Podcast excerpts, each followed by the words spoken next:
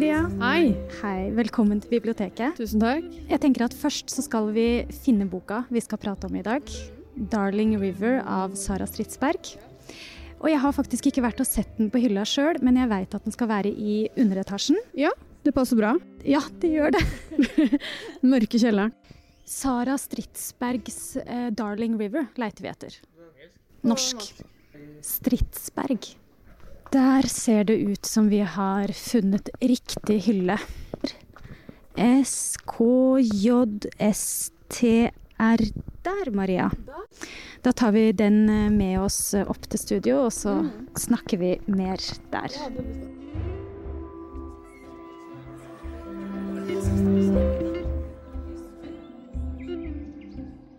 Du hører på Deichman-podkasten Utlånt til, der vi inviterer gjester til å fortelle om en bok som har betydd ekstra mye.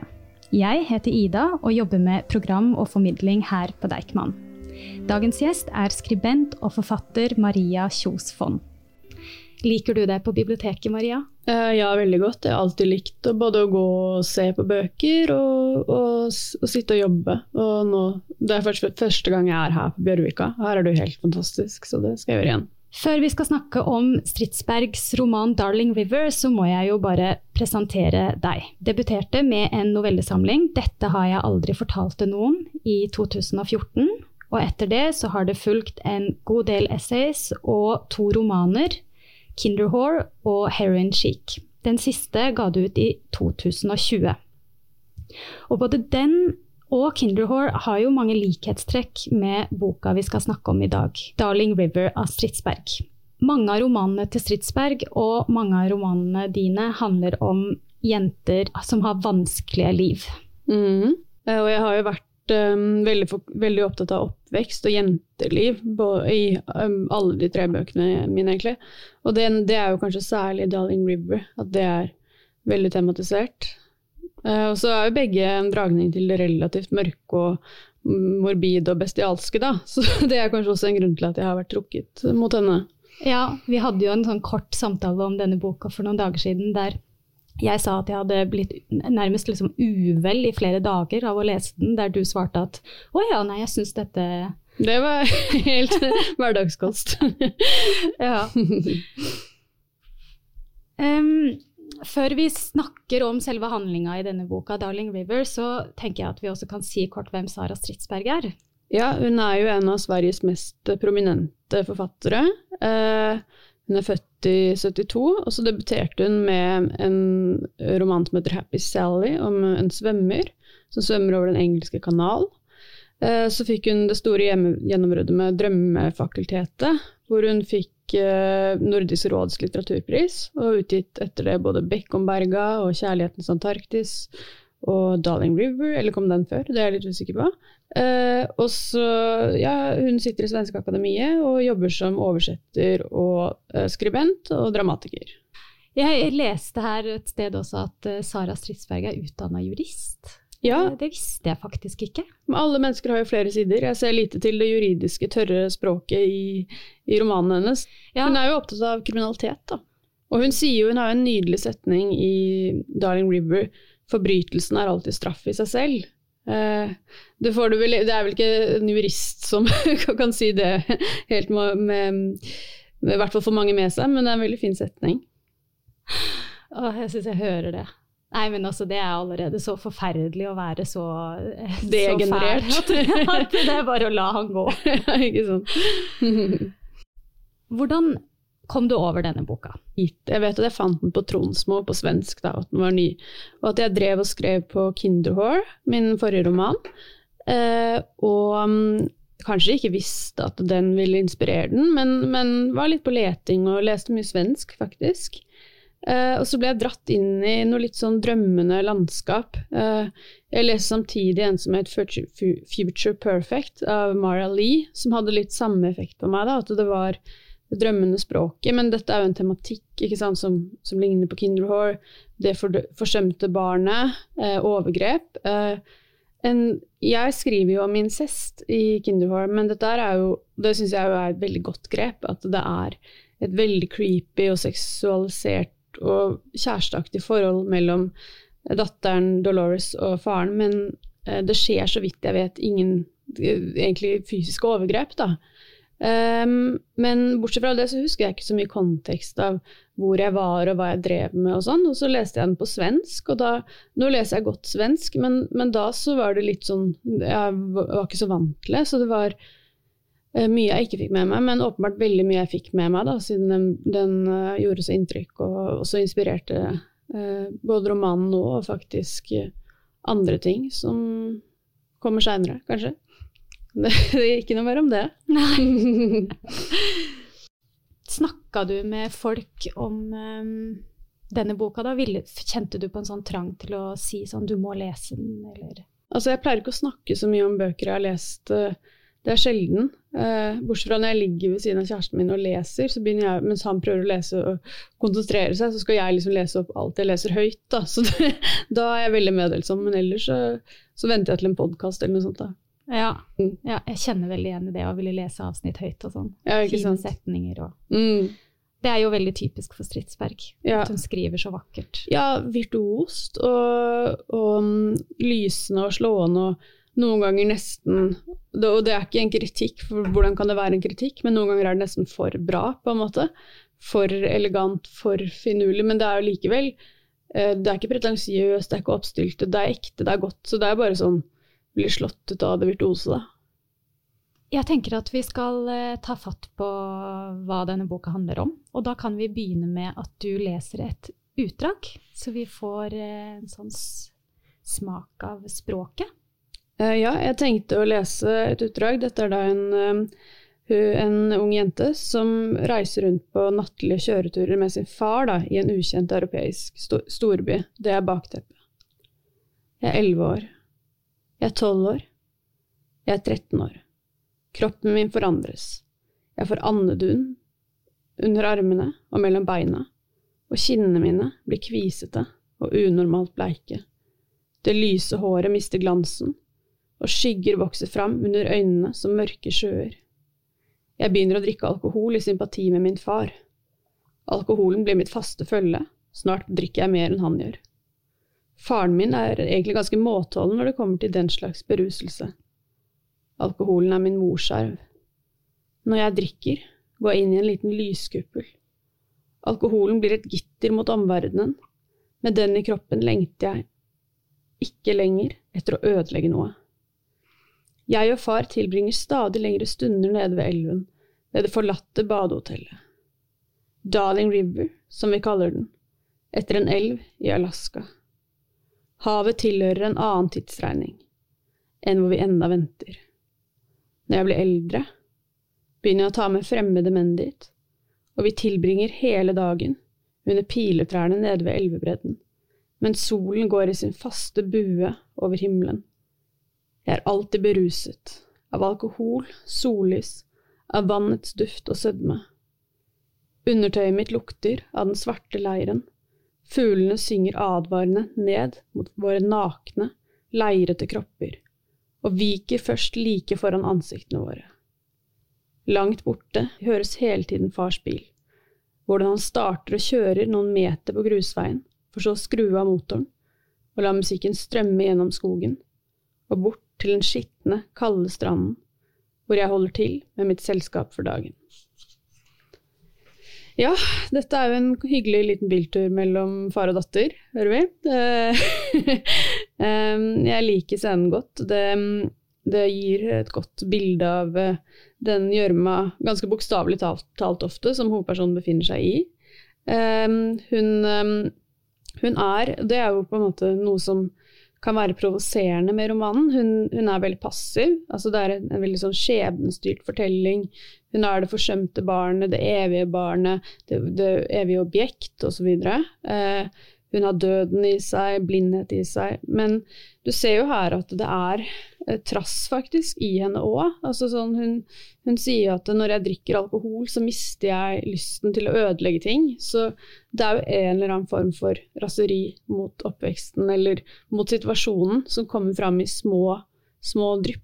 Da. Ja, for eh, hva er situasjonen her, egentlig? Hva slags uh, his historier er det vi får i denne romanen? Det er, det er tre historier, egentlig. Um, det, det, ene er da en far i en ukjent europeisk storby som kjører datteren sin rundt på nattlige kjøreturer, hvor han plukker opp prostituerte som blir uh, hennes venner, uh, ligger med henne i bilen mens hun er der. Uh, hun får elskere som hun kaller brødrene sine, som hun møter ved elven, som de da kaller Darling River. Um, og, og senere så går det dårligere. Hun blir blind og, eller hun får en øyesykdom og blir syk, og til slutt så dør hun i barselseng. Um, uh, så det jo Da kan man jo tenke litt sånn uh, allegorisk, eller at det å, å, bli mor og komme ut av barndommen, det, det, kan hun ikke. Å skape et nytt barn, da dør hun, rett og slett. Uh, men det er to historier til.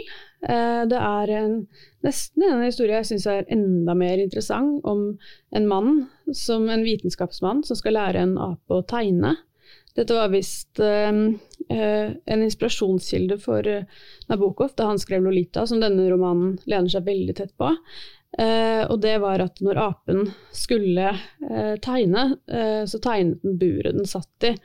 Og det, og det, kan jo si noe om med fangeskap og hjelpeløshet og manglende evne til å se ut av, av, av situasjonen, da, som man kan se hos overgrepsofre og ofre generelt.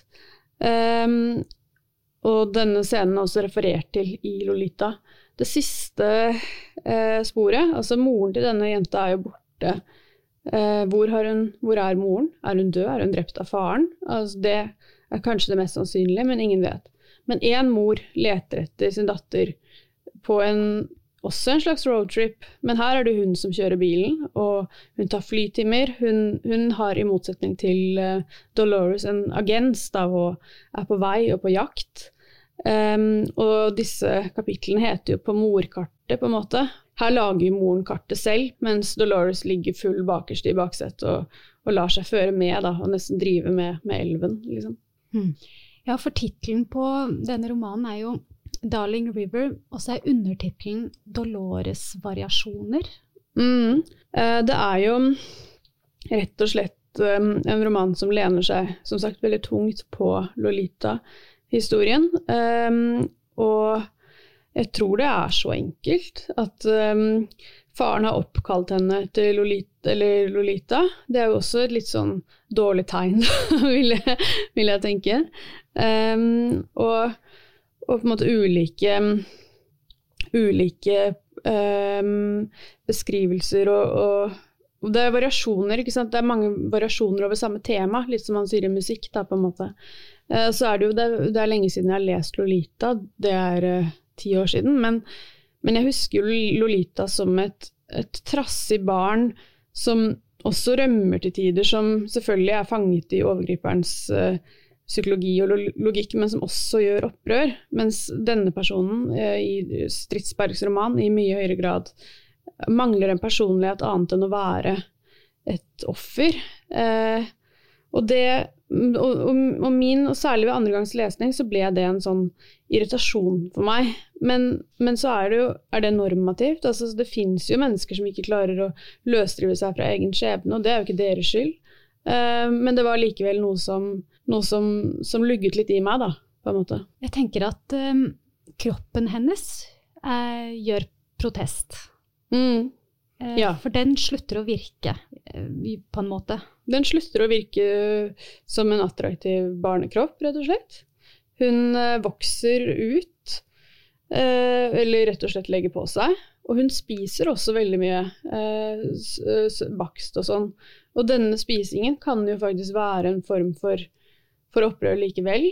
Men da er man jo også inne i annen, et annet aspekt ved Stridsbergs roman, som ikke handler om, om bare være overgrepsoffer eller det feministiske aspektet, eh, men også dette som, som, er litt uavhengig av kjønn, altså forfall, død, altså det, det kroppslige forfallet, da.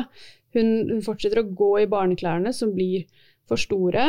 Eh, hun ligger lenge i en barneseng eh, og er lukket i sin egen verden.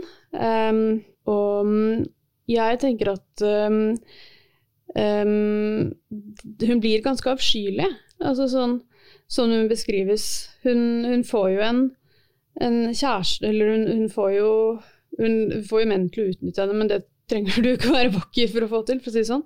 Eh, og, eh, og, har noe sånn på en måte forfallent og, og, og, bøk, og hennes, de kapitlene som handler om henne, kalles jo ofte 'Den dødes bok'.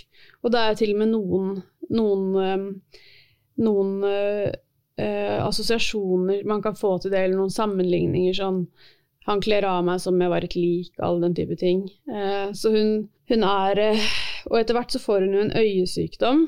Eh, det er vanskelig å ikke tolke den allegorisk, på en måte. At hun, at hun mister evnen til å se utover. Blir et, hun blir blind. Blir et så sterkt objekt at, at hun ikke har perspektiv. Blir fanget i sin egen kropp. Det var um, Jeg leste jo en helt annen forfatter, men Milton, som skrev 'Samson Agonized', om, om det å bli blind skrev han veldig godt. Han var, han var, blind mens han skrev den. Om hvordan du blir eh, fanget i et slags fangehull i deg selv, da, på en måte. The dungeon of thyself, thy soul.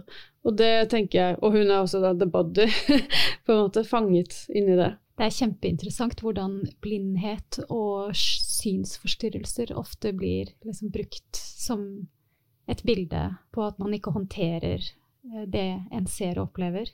Det er jo grusomt med tanke på de som faktisk har synshemninger og lever gode og aktive liv. Ja. Men sånn, sånn, sånn, er det jo med så mangt man bruker som Overvekten her er jo også et tegn på at hun, hun, ikke, hun mister kontroll. Hun, hun uh, flyter ut, hun blir for tung for å mestre sin egen tilværelse osv.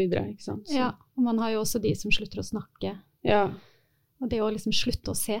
Mm. Det, er, eh, det er veldig sterkt. Og det er vel også sånn at apen blir òg blind? Ja, øh, den apen øh, til han vitenskapsmannen som skal lære henne å tegne, den er jo det er jo veldig klare paralleller mellom han og Dolores. Eller hun og Dolores, det er en kvinnelig ape.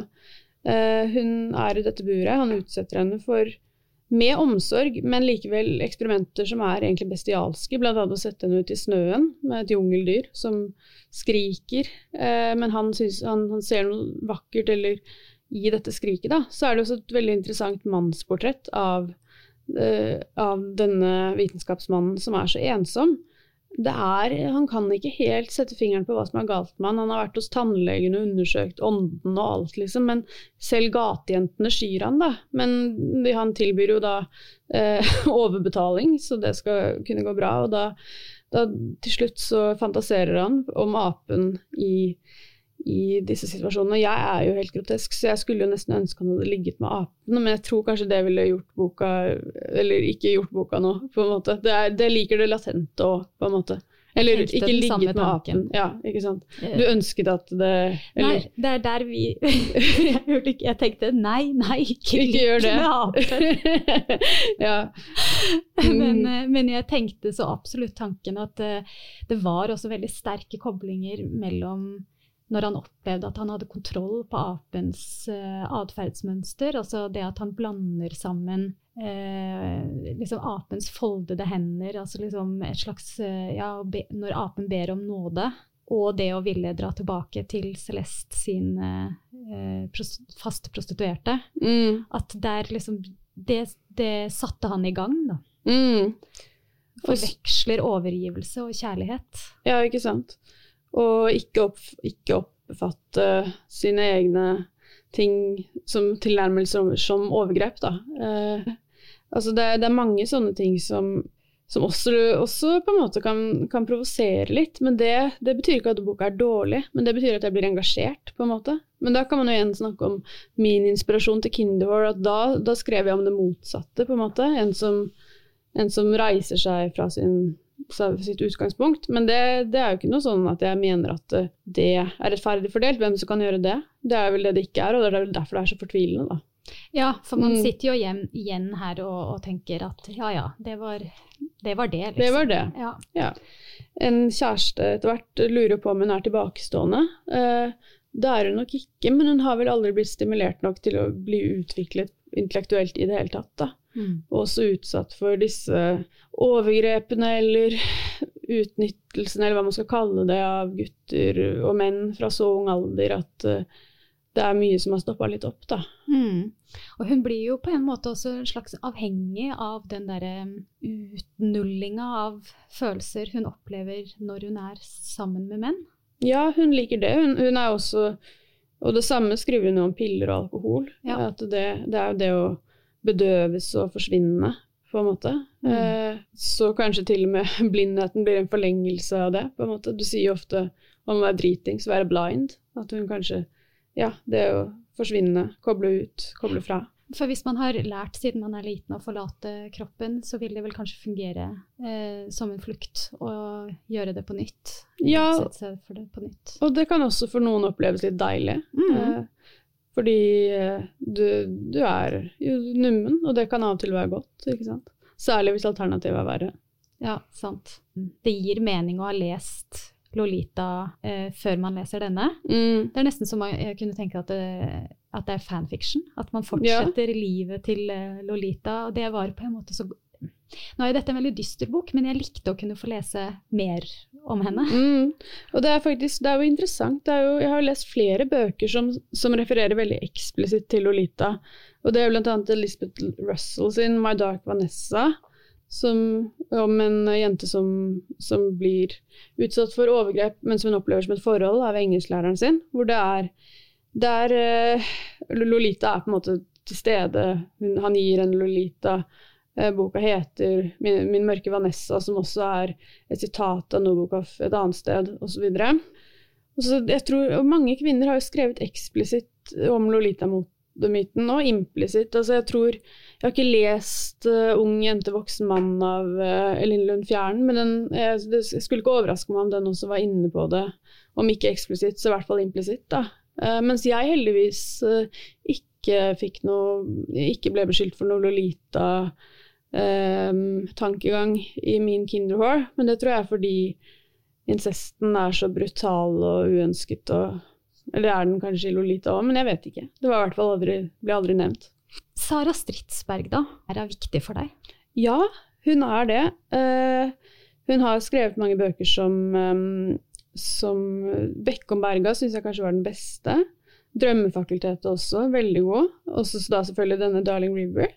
Så var det én bok, og det var 'Kjærlighetens Antarktis', om en, om en prostituert heroinavhengig kvinne som blir partert og snakker fra det hinsidige. Jeg trodde verken på henne som narkoman eller ja, særlig det, da, eller som person. Um, så den, var, den likte jeg ikke, men alle de andre har jeg jo likt veldig godt. da. Vi har jo vært inne på det så vidt, det med at Sara Stridsberg skriver veldig vakkert. Jeg Mm. tror du sa en gang at um, Sara Stridsberg har et uh, språk som er fullt av uh, toner og tistler. Ja, ikke sant. Og det er jo gjerne toner og tistler på veldig vakre planter. Litt sånn som Nick Cave-låtene ser ut oppi hodet. Altså det er sånn mørkerøde farger, og så er det kanskje en ravn, og så er det liksom dramatisk himmel. Ja. Ja, Nick Cave er en Han er jo en veldig stor artist, og også forfatter for så vidt for meg. Og de, de er ikke helt uvesentlige å sammenligne, for det er den derre romantiseringen til en viss grad, og det er hun helt åpen om selv, at hun, hun jo da hun romantiserer lidelse og død. Det, alt er romantisk, ikke sant. Og han også tidligere, da, med alle de mordballadene og sånn, og, og språket som er eh, blomstrende og fullt av alle disse tistlene, og liksom Jeg ble sitert en gang på at jeg ikke er noen sånn fan av veldig sånn anorektisk litteratur. More is more, sa jeg. Og da, det får du jo i, i Darling River. Eh, der er det jo liksom ikke noe anorekt... Det er Kim Kardashian-kropp, liksom. Det, det er mye, mye, mye som svulmer i disse tekstene, og det liker jeg. Ja, ja, det er et sånt fruktfat som Ja. så vidt har begynt å råtne. Så det er liksom ekstra søtt, og det er masse insekter som driver og surrer rundt det. Mm. Det er vel én setning som jeg også merka som et godt eksempel på Stridsberg. Det er en av de her brødrene ved Mm. strandkanten Mm. løfter Dolores ansikt opp mot solen eller noe sånt, så, Mm. og sier at barnets ansikt er dødets speil. Det er Mm. sånn Ja, intet mindre, liksom. Intet mindre. Ja, et så vakkert bilde, og så er det en så grusom situasjon.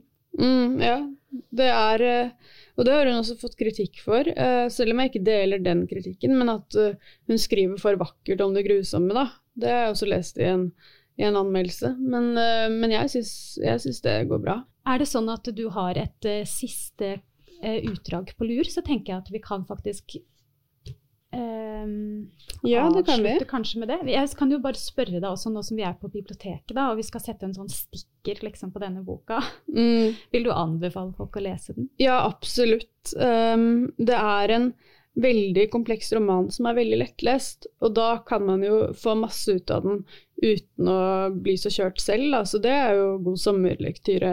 Men ikke, ikke les den ved en elv i en skog. Alene. Alene i Nei. mørket. da tar vi et siste utdrag. Ja.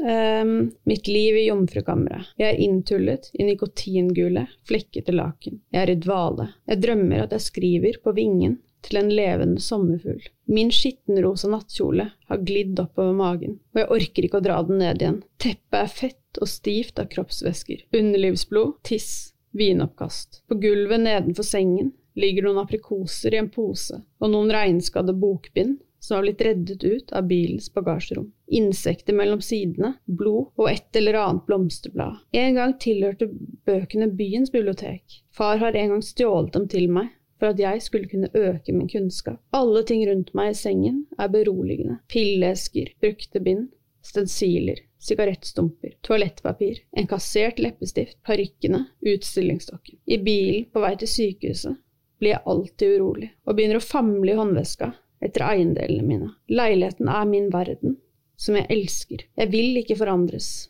Jeg vil ikke bli stor. Jeg vil ikke utvikles. Jeg vil ikke flytte. Før jeg forlater rommet, hjelper far meg å presse parykker og bøker ned i veska. Kappene mine sprekker når jeg prøver å kneppe dem. En gnistrende knapp er perlemor på fortauet, før bildøren slår igjen etter meg. Tusen takk, Maria, og takk for besøket her på biblioteket. Tusen takk selv. Og takk til deg som har lytta til Deichman-podkasten Utlånt til. Boka vi har snakket om i dag, 'Darling River' av Sara Stridsberg, kan naturligvis lånes og leses på biblioteket.